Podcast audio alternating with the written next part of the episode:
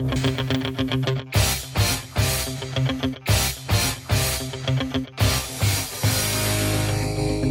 байцгаана уу сонсогчдоо. За манай Data Play podcast-ийн энэ дугаарыг энэ дугаар тавтаа морил. За би AB.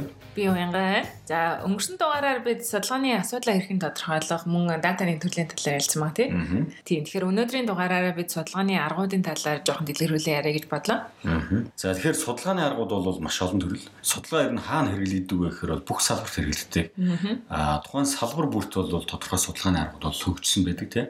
За шинжлэх ухааны судалгааг бол онлайн хэрэглэнэ гэж хоёр бадаг. Онлайн буюу одоо академик судалгаанууд бол хөвчлийн их сургууль, их сургуулийн лаборатори, эрдэм шинжилгээний төвүүдэд бол хийгддэг хүн төрөлхтний одоо юу гэдэг шинжлэх ухааны мэдлэгийг цааш нь хөгжүүлэх зорилгоор тий шинэ арга аргачлал онл одоо нэг нэвтрүүлэх зорилгоор бол хийгддэг байж байгаа. За харин хэрэглээний буюу apply шинжлэх ухааны бол дотор маш олон төрлийн судалгаатай одоо салбартай тухайлбал одоо нийгмийн нийгмийн эдийн засгийн эдийн засгийн ч гэдэг юм ингээ англитэй явдаг. Энэ дотор бол эдийн засаг дотор бол дахиад олон төрөл задардаг. Тэрний нэг нь бол бизнесийн салбарын судалгаанууд те бизнесийн салбар бол байж байгаа. Тэгэхээр өнөөдөр битгаар бол энэ дугаараараа яг одоо бизнесийн байгууллагууд хэрэглэгддэг судалгаа болоод тий судалгааны арга зүйн талаар бол товч ярих гэж бодож байгаа тий. Тийм. Аха. Тэгэхээр бизнесийн судалгаа ярихын тулд бид нар бол эхлээд өөрөө нөгөө бизнес гэдэг нь яг ямар бүтцтэй процесстэй гэргээд жоохон саний. Тэгэхээр тухайн байгууллага бол ерөнхийдөө нэг хоёр чухал ажил хийгээд байгаа тийм. Нэгдүгээрт нь бол ямар нэгэн бүтээгдэхүүн өгүүлдүүлдэг. Нөгөөх нь бол түүнийг хэрэглэгчдээ зардаг. Ямар нэгэн байдлаар зарна тийм. Тэгэхээр бүтээгдэхүүнийг одоо бид нар хэрэглэгчдэд хүргээд энэ ажлыг хийхин тулд туслах олон процессыг орж ирдэг. Хүний нөө санхүүгийн менежмент, одоо борлуулалт, маркетинг, PR гэх мэтлэнгийн олон үйл ажиллагаанууд байгаа. Тэгэхээр эдгээр үйл ажиллагаануудтай холбоотойгоор за мөн одоо манай бүтээгдэхүүн маань манай хэрэглэгчид одоо хэр сайн хэрэгцээнд нь одоо хэр сайн нийцсэн тий. Тэгээ бид нар тэр нь одоо хэрэгцээнд тохируулсан бүтээгдэхүүн хийж чадж байна уу гэсэн одоо асуултууд гарч ирдэг. Тэгэхээр үүнийг мэдхийн тулд бид нар одоо бүтээгдэхүүн хөгжүүлэлтийн судалгааны аргуудыг бол ашиглаад байгаа юм. Аа тэгээ борлуулалтаа хийхин тулд яаж байгаа гэхээр бид нар хэрэглэгчдэд танин мэдэх ёстой. За тэгээд мөн одоо маркетинг үйл ажиллагаа явуулсан бол түүний үр ашигыг бол мэд хэрэгтэй тий. Ахаа тэгэхээр эдгээрийг мэдхийн тулд бол нэг тодорхой одоо бизнесийн арга судалгааны арга аргачлууд бол хөгжсөн байдгийг. Тэрний одоо түгээмэл хэрэглэгдэх нь бол хэрэглэгчийн зам төлөвийн судалгаа байна. За зах зээлийн судалгаа байна, хэрэглэгчийн сэтгэл ханамжийн судалгаа байна. Тэгээ маркетинг компанид ажлын үр ашигыг одоо тээслэх судалгаанууд бол хийж байгаа. За тэгэхээр маш олон төрлийн аргууд байдаг гэлээ те. Эдгээрээс одоо илүү нийтлэг ашигладаг аргуудаас бол цөөн хэдийг бол тайлбарлая те.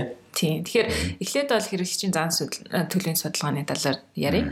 А зан төлөвийн судалгаа. Тэгэхээр зан төлөвийн судалгаа бол манай хэрэглэгчид ер нь одоо ямар зан төлөвтэй одоо шинж чанартай хүмүүс байдаг вэ гэдгийг бол тодорхойлдог.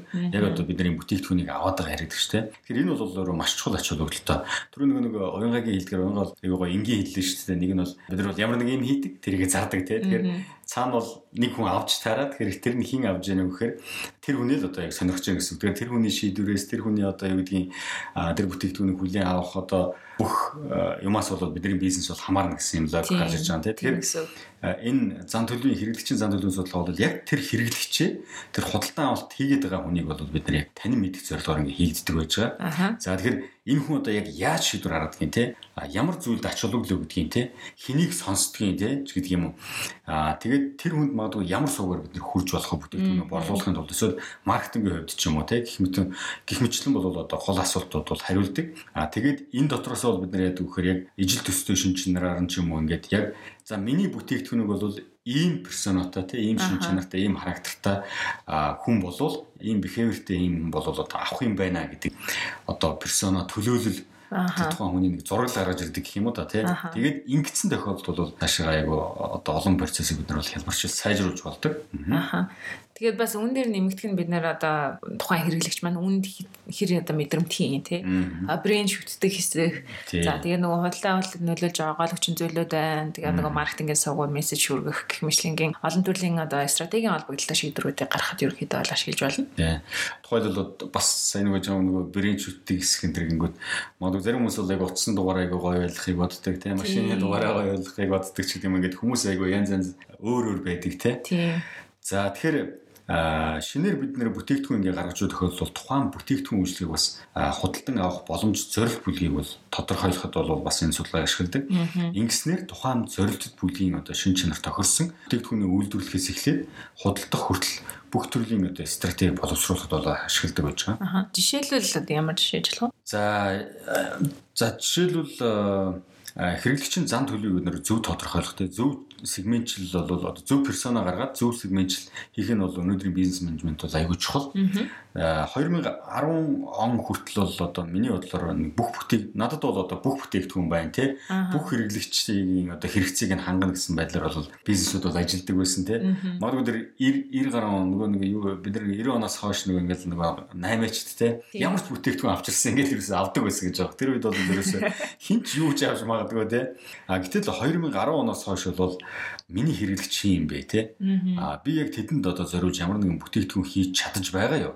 Би тэдэнд ямар суугаар хүрэх вэ гэдэг эдгээр асуултыг бол тодорхой хариулж чадаад тэгээд түүнийхээ дагуу бизнесээ бол хөгжүүлж чадж байгаа нь бол өрсөлдөж байгаа санагдаж байгаа. Аха. Тэгэхээр нөгөө зан төлөвт зан төлөвийг яг нөгөө зөв тодорхойлоогүйгээсээ болоо зарим бүтээгдэхүүнүүд одоо фейлддэг тий. Тий. Тий. Одоо өрсөлдөөнөөс тэр чинь нөгөө яг бүх яг value chain-д бол оновчлол явагдахгүй юм гэсэн үг байхгүй тий. Тэгээд айгүй өргөн value chain-тэй тэгээд суугтаа ингээл ерөөсө зардлын хувьд бол оновчлол ерөөсө явагдаж чадахгүй юм гэсэн үг. Тэрний жишээ ямар? За жишээгүүд яг зүгээр одоо сүүл бид нар нэг яасан ш нөгөө Louis Vuitton гэдэг байгаа шүү. Тэрний тэрийг яг ямар кейс уусныг би сайн мэдэхгүй л. Гэхдээ ингээд анх Louis Vuitton ингээд эхлээд манад нээгдээд хэдэн жил болж байгааг хаагдсан шүү дээ. Тэгэхээр Louis Vuitton бол анх Монголд бол өндөр орлоготой хүмүүс бол их байгаа гэд одоо судалгаагаар бол нэг харсан юм шиг байна. Угаасаа үнэтэй брэнд болохоор. Тийм үнэтэй брэнд болохоор тий.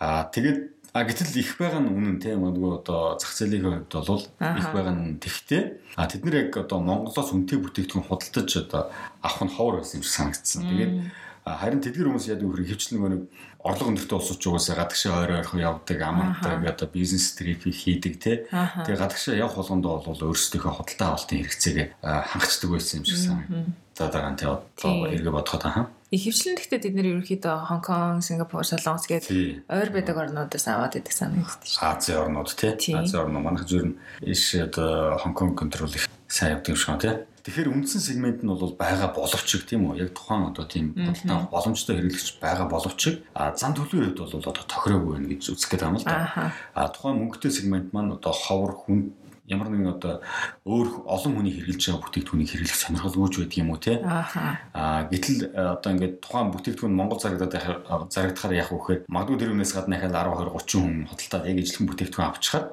тэр брэнд өөрөө тэр хүний магадгүй үн цэнэгүй болчих юм уу те? Тэгэхээр энэ бол тухайн одоо сегментийн үндсэн шин чанартай бол одоо юу гэдэг бизнесийн бодлого маань зөрчилдөж байна гэсэн үг л те тэгээд байгууллага талдаа харах юм бол за окей тэгвэл энэ хүмүүс аяга олон төрлийн бүтээгдэхүүн хүсэж байгаа юм чинь олон төрлийн бүтээгдэхүүн бид нар авчираад ингээд Монголын сагсаал дээр гаргая гэхээр эргээд нөгөө дэлгүүрийн маань одоо зай талбай юу гэдэг те барааны сонголт ингээ айгүй олон болон тэр юм их зардал нэмэгдэн гэсэн. Тийм дагаал ерөөсөө ингээд одоо цагдал нь данхаагаал те ингээд томроо явчихна гэсэн. Тэгэхээр тэр хэмжээгээр бид нэр ирээд тийм хэмжээний борлуулалт ашигтай ажиллаж чадах уу гэд асуулт тавьж байгаа юм. Тэгэхээр тэгэхээр энэ бол энэ энийг бол одоо магадгүй хэрэглэгчийн одоо зан төлөв бол буруу тодорхойлсон те нэг жишээ байж болох уу гэж би бодож байна. Гэхдээ энэ бол яг зөв миний л одоо бодлоо шүү дээ тий. Борлуулалт нь сайн биш байсан учраас дээл би бол хаарсан байхаа. Яг нэг хүссэн зах зээл нь биш байсан учраас ерөнхийдөө бол гарсан гэж ойлгож болох нь шүү дээ тий. Аха. За тэгэхээр дараагийн түгээмэл хийдэг судалгаа нь бол зах зээлийн судалгаа гэдэг. Зах зээлийн судалгаа нь бол ерөнхийдөө яг тухайн үйл ажиллагаа явуулж байгаа зах зээлийн багтаамж, зах зээлийн хэмжээ, за тэгээд өрсөлдөгчд байна. Тэгээд боломжит зах зээлийн хэмжээг тодорхойлох зорилгоор бол хийгдэж байгаа. Тэгэхээр энэхүү судалгаа нь бол ямар нэгэн бүтээгдэхүүн үйлчилгээний хувь эсвэл бол тухайн байгууллагын нэг зах зээлийн хувьд л хийгдэж болно. Аа. Тэгэхээр судалгааны үр дүнг бол одоо хэрэглэгчийн зан төлөв бусад төрлийн судалгааны үр дүнтэй ослуулад бүтээгдэхүүний өсвөрлөх давуу талыг ялангуяа бий болгоход бол ашиглаж байгаа. Тэгээд бас шин зах зээл нэвтрэх хэсэх за тэгээд зах зээлийн хувийг ахиулах гэх зэрэг одоо стратегийн шин чанартай шийдвэр гаргахад бол ихэвчлэн ашигладаг. Би сэтгэл ханамжийн судалгааг бас товч тайлбарлая тийм. Тэгэхээр за сэтгэл ханамжийн судалгаа нь бол тухайн бүтээгдэхүүн үйлчлэгэнд одоо бүтээгдэхүүн үйлчлэгийн хэрэглэгчийн хэрэгцээг хангаж чадж байна уу тий. Хэрэглэгчд одоо юу гэдгийг бидний бүтээгдэхүүнийг хэрэглээ сэтгэл ханамжтайгаар байж чадж байгаа үгийг бол тодорхойлоход оршдог. Тэгэхээр сэтгэл ханамжийн судалгаа нь бол зөвхөн хэрэглэгчийн хүрээнд хязгаарлагдахгүй бас нөгөө харилцагч, ажилчдын сэтгэл ханамж хамтрагчд гэдэг юм уу тий. Ер нь л одоо хүн гэдэг субъект байгаа аа болгоныг бол бид нэр сэтгэл ханамжийг хэмжиж болно гэсэн үг. Тэгэхээр одоо хизээ хийх вэ гэхээр бол хэрэглэгч бүтээгдэхүүн үйлчлэгийн юунд нь сэтгэл ханамжгүй байгаа юм тий. Түүнд нөлөөлөд байгаа хүчин зүйл нь юу юм? Сэтгэл ханамжийг өндөр байлгадаг хүчин зүйлс нь юу юм? Цаашлаад үн хэрэглэгчийг одоо тодорхойлох одоо боломжийг бий болгох юм шиг оновчилж өгдөг. Тухайлбал Магадгүй бид нар хоёул нэг магадгүй нэг ресторан ажиллаж байна гэж бодъё л одоо бит хоёрын хоолны чанар нь сайн хэрнээ те а манай ресторан гаднаа зогсоол өгч байдаг юм уу тийм үү? Магадгүй тэгээд ирээд ингээд зогсоол болох нь айгүй хэцүү байдаг ч юм уу. Эсвэл аа хоолны чанар нь зогсоол сайтай үйлч одоо юу гэдгийг үйлчлэгчдийн үйлчлэгээ харилцаа сайн хэрнээ хоолныхын чанар мууч байдаг юм уу те. Эсвэл ямар нэгэн одоо бидний хэрэгжилж байгаа мах цахан дээр ч юм уу чанарын дээр нь хэрэгжилж байгаа ч юм уу. Их мөчлийн байдлаар ингээд бид ингээд хэрэглэгчийн сэтгэл ханамж бүрдэж байгаа хэсгүүдийг задлаад тэгээд тэр болгоныг нь үнэлэх гэж ирмэлцдэг байж байгаа. За Энд дээр та бас нэг гоё нөгөө чухал одоо поинтыг хэллээ. Ер нь бол нөгөө сэтгэл ханамжийн судалгаа маань үн чиглэгчээ тодорхойлож боломжийг олгодог гэх тийм. Аха. Тэгэхээр үн чиглэгчээгээ тодорхойлоод бид нар яг ямар ач холбогдолтой мэй гэхээр ер нь бол тэднийг бид нар барьж үлдээд ягаад тэгэхээр тэд нар чинь биднээс дахин дахин худалдан авалт хийдэг хэрэглэгчид гэсэн үг шүү дээ. Аа тэднийг барьж үлдэх нь бол бизнест бол маш чухал. Шинэ хэрэглэгч авах нь Одоо хуучин хэрэглэгчээ байрж үлдэхээс 5 дахин илүү зардалтай байдаг. Тийм болохоор ерөнхийдөө бол байгууллагууд сэтгэл ханамжтай үн хэрэглэгчээ байрж үлдэх тийм зорилготой байдаг. Тийм. Дандаа шинэ хэрэглэгч аваад байвал нэгсэндээ борлуулалтын зардал нь тавдах хийх байна л гэсэн үг тийм үү? Тийм, тийм гэсэн үг. Тэгэхээр тэд нар чинь нөгөө маркетингийн зардлаас ихсүүлээд тэгээ урамшуул зардал нь гэмшлэг бүх юм болдог. Таниулах гал тийм бүх зардлуудаа явна гэсэн. Аха. Тэгэхээр бид нар бол сэтгэл ханамжийг бол 1-ээс 5 оноогоор ерөнхийдөө үнэлдэг. Эсвэл бол бид нар хувьлаад 1-ээс 100 хувиар үнэлж болно. Тэгэхээр энэ дээр яг нөгөө менежментийн төвшөнд яг ямар юм одоо ямар үзүүлэлтүүд хардаг харж болох вэ гэхээр танай хэрэглэгчдийн хэдэн хувьд унтаж сэтгэл ханамжтай байгаа юм. Хэдэн хувь нь сэтгэл ханамж одоо багтаа байгаа юм гэдгийг бол харах нь чухал байгаа. Аа тэгээд ер нь бол одоо яг тухайн түрүүн хэлснээр сэтгэл ханамжийг өндөртэй өндөр байгаа хэрэглэгчдийн хувьд яг голлох хүчин зүйлүүд нь юу юм те. Тэгэхээр тэр хүчин зүйлүүдэд бид нар одоо хадгалах хэрэгтэй гэсэн үг яг тэр чигээр чанар сайтагаар. Аа сэтгэл ханамжгүй хэрэглэгчдийн хувьд болохоор одоо жишээлх юм бүтээгдэхүүнээ савлгаа нь ингээд ашиглахад ямар хүндрэлтэй байгаад байгаа юм байна те. Тэр одоо савлгааг сайжруулах гэх зэргийн бид нар тухайн үзүүлэлтэд сайжруулах арга хэмжээнд авч болно. Яг энэ нөгөө савлгаа энэ гэсэн холбоотой иймэрхүү кейсүүд манад бас их гардаг шүү дээ. Тийм Монгол ер нь аз эндээ байгаа. Таг нь болохгүй байна маа нэг. Онгойлгож чадахгүй байна нэг юм шиг юм. Эний мэдхийн л бас нэг э, бүтээгдэхүүн ингээд уут айгу задлахад айгүй хэцүү. Ингээд нөгөө ямар ч нөгөө зураас мураас байдгүй. Тийм одоо цайны төрлийн тийм бүтээгдэхүүнүүд бас зөндөө таарлаж ирсэн. Айгүй хэцүү. Тэгээд зүйлдээ тэрнээсээ болоод тийг одоо бүтээгдэхүүн авахаа болж байгаа байхгүй тий. Тэр ингээд шүд мүдэрээ зулгаагаал ингээд одоо баян анги гэдэг чинь. Нөгөө чи бас нэг юу мэдэн шүү дээ нөгөө. Чупа чупс гэдэг Оо тийм шүү дээ. Тэрийг нөгөө ингээд идэхээр одоо манай хүүхдүүд болохоор сайн нэг жубаж уус идэм мэдэгээр бид нар жубаж уус ангуута хин задлгүй гэхээр би байна. Тэгээд тэр нь ингээд нөгөө яг үндэ тэр ингээд нэг хайч майчаар ингээд задлагдаг гэдэг. Тэгээд одоо чупа чупсыг сонсч ивэл те ягаад чупа чупсыг тийм хэцүү байлгадаг юм бэ? Одоо нөгөө хүүхдүүдэд зориулсан брэнд мөртлөө хүүхд нь ангуулгаж чадахгүй. Хүүхд нь ангуулгаж чадахгүй. За тэгэхээр хоёлаа энд хүрээд ерөнхийдөө ерөнхийдөө хэрэглэгчтэй холбоотой судалгаагаа зогсоё тий. Одоо л бүтээгдэхүүн хөгжүүлэлттэй холбоотой судалгаануудаас товч ярих уу. Тийм. Тэгэхээр хэдүүлээ эхлээд бүтээгдэхүүн хөгжүүлэлттэй холбоотойгоор design thinking гэдэг аргыг ярив. За энэ design thinking гэдэг бол одоо сүүлийн үед хөгж их одоо хөгжиж байгаа ялангуяа стартап компаниуд маш их хэрэглэж байгаа. Цаг хугацаа зардлыг маш их хэмнэж өгдөг. Ийм одоо бүтээгдэхүүн хөгжүүлэлтийн ийм одоо арга байгаа. Тэгээд энэ нь болохоор яа гэхээр ерөөсөө маш богино хугацаанд ерөөсөө 5 хоногийн дотор тухайн хэрэгцээ тухайн хэрэглэгчд байна уу? Тэрвээ байгаа бол бид нар тэр хэрэгцээг одоо яаж хангаж болох уу? А ямар бүтээгдэхүүний санаа байж болох. За бүтээгдэхүүний санаа гаргасан бол тэн дээр хамгийн энгийн ингээ хувлырыг нь хийгээд тэгээд 5 дахь өдөр нь бол шууд туршаад одоо нэг 5 хэрэглэгчтэй ч юм уу хэрэглэж үзээд яг энэ бүтээгдэхүүн хэрэглэж чамд ямар санагдаж байна гэдэг энийг туршаад ингээ 5 хоногийн дотор ерөөсөө бидний нөгөө бодоод явдаг те санаа үнэхээр бодиттой юу гэдгийг ингээ туршуулдаг ийм арга байж байгаа. Тэгээд тэндээсээ цаашлуулад хөгжүүлж байна. Одоо тэгээ сая нь нөгөө minimum viable product гэдэг шүү дээ. MVP гэдэг ийм бүтээгдэхүүн гаргаж байгаа. Над бас нэг жишээ байгаа аахгүй би тэрийг тэрийг бас нэг товчхон тайлбарлаж байгаа тийм. Тэгэхээр бид нар бас нэг нэг аппликейшн хийж ирсэн. Тэгээ тэр аппликейшн дээр болохоор бас яг 5 хоног дотор бид нэр яг турш үзсэн. Аюу үрдүнтэй юм лээ. Тэгээ тэн дээр чинь юу хийсэн бэ гэхээр яг эхний ингээ 2 хоног явчихсан. За 3 дахь өдөр ингээ санаагаа боловсруулчин 4 дахь өдөр ингээ төгжүүлж байгаа. Тэгэхээр аппликейшн хөгжүүлэхдээ бид нар яг бүрэн ажиллагаатай аппликейшн биш. Гэхдээ хүн яг тэр аппликейшн руу ороод яаж аялах уу гэдэг ийм хідэн ийм магадлал минимум тийм минимум тийм ингээ замуудыг ингээ зурчдаг. Аа тэгэнгүүтэл яг 5 дахь өдөр нь бол тэр аппликейшн ингээ яг за ингээ нэг хэрэглээд үзтээ те. Тэгээд тэр хүнд ингээ тэр аппликейшн талаар ямар нэгэн танилцуулга хийхгүй шүү дээ. Тэгээд за ингээ энийг хэрэглээд үзтээ тэгэл өөрийнхөө нөгөө бодож байгаа сегментийн хүнд ингээ харуулаад тэгэл ажиглал нь яг хажуугаас нь хараад бүр бидний ингээ нэг юм талтай фокус группийн өрөөнд ингээ ажиглан ажиглан. Тэгэл нэг хүн чинь ингээ мимикийн те нүдний хартсан. Тэгэл одоо нэг төвшин дээр дарчаад дараагийн төвшин дээр дарахтаа хэр удаж जैन те.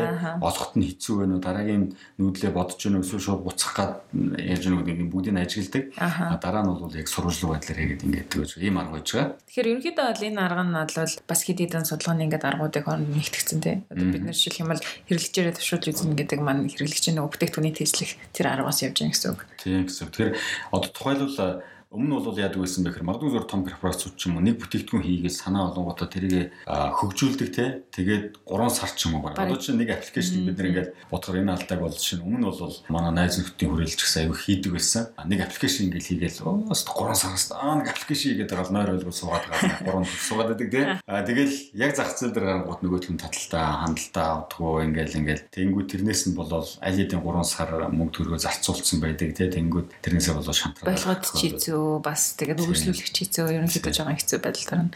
Аха. За үнийн судалгааг хүлээн ярих уу те? Тий. За үнийн судалгаа бол ерөнхийдөө сонсогчд бүгдээр мэдж байгаа х тий. Угаасаа шууд өрсөлдөх ижил төрлийн эсвэл одоо хосолдог бүтээгдэхүүний үнүүдийг бид нар бол тодорхой байдлаар судлана гэсэн. А үнийн судалгаа бид нар хөвчлэн яаж идэг гэхээр нөгөө ажиглалтын аргаар тий. Ерөнхийдөө хийдэг байгаа. За тэгээд үнэн нь бол хэрэгжилж нөлөөлж байгаа ер нь бол нэлээд гол хүчин зүйлүүд нэг байгаа. Ялангуяа бүтээгдэхүүн худалдаа авалт хийхэд. Тэгэхээр энэ судалгааны үр дүнд юу гарч ирдэг вэ гэхээр ерөөсөө манай үн одоо бүтээгдэхүүндээ тохирсон үн байж чадж байна уу? Хэрэглэгчид яг энэ үнээрээ манай бүтээгдэхүүнийг худалдаж авахд одоо боломжтой байна уу гэдгийг гаргаж ирж байгаа. А тэгээд ялангуяа үнээр өрсөлдөх зах зээл одоо стратеги баримталтай байгууллагуудын хувьд бол энэ нэлээд чухал судалгаа. Ерөнхийдөө бол байнгын хийж явах хэрэгтэй судалгаа. Хямд үнээр өрсөлдөх гэсэн үг үү? Тийм, хямд үнээр өрсөлддөг гэсэн үг. А жишээлбэл одоо намын мэдлгүүрэн төр чинь дандаа ингээл хамгийн хямд үныг санал болгож байгаа гэж тэгдэг шүү дээ. Тийм тэгэхээр энэ нар бол ерөнхийдөө ижил төстэй бүтээгдэхүүн одоо нөгөө байгууллагуудын үнийн судалгааг бол байнга хийж явах хэрэгтэй гэсэн үг байна. Яхан тэгээд үнээсээ гадна бол бид нараас өртгийн сүлжээний анализыг хийж болно. Яг тухайн бүтээгдэхүүнийг ингээ гаргаж авахад ямар ямар шатаар аль дээр яваад байгаа нь тэн дээр нэг ямар ямар өртөг гараад байгаа нь тий. Тэрийг бид нараас нэмж хийж болно гэсэн үг. За, брэнд имижийн судалгааны талаар хэлээрэй тий. Тийм. Тэгэхээр брэнд имижийн судалгаа нь бол мэдээж тухайн байгууллагын зорилттой хэрэглэгч чинь тухайн байгууллагын бүтээгдэхүүн нь зорилттой сегментээр байрсан хэсгийг бид нэ тодорхойлж гаргаж ирж байгаа. За, тэгээд байршихтаа яг ямар байдлаар байрсан байгаа одоо сайн сайнаар байрсан юм уу? Муугаар байрсан юм уу? За тэгээ бас бидний ингээд нөгөө байршуулж ирсэн таргет сегмент муу юм уу гөө мүү гэдэг тэрийг бид нар судалж гаргаж ирнэ гэсэн үг. А ингэснээрээ бид нар яах юм гэхээр хэрүү одоо ингээд манай сегмент одоо бүтээгдэхүүн маань буруу сегментэд байрсан эсвэл муу имижтэй хам бол ребрендинг хийгээд Тэгээд имижийг одоо сайжруулах арга хэмжээнд авч болдог.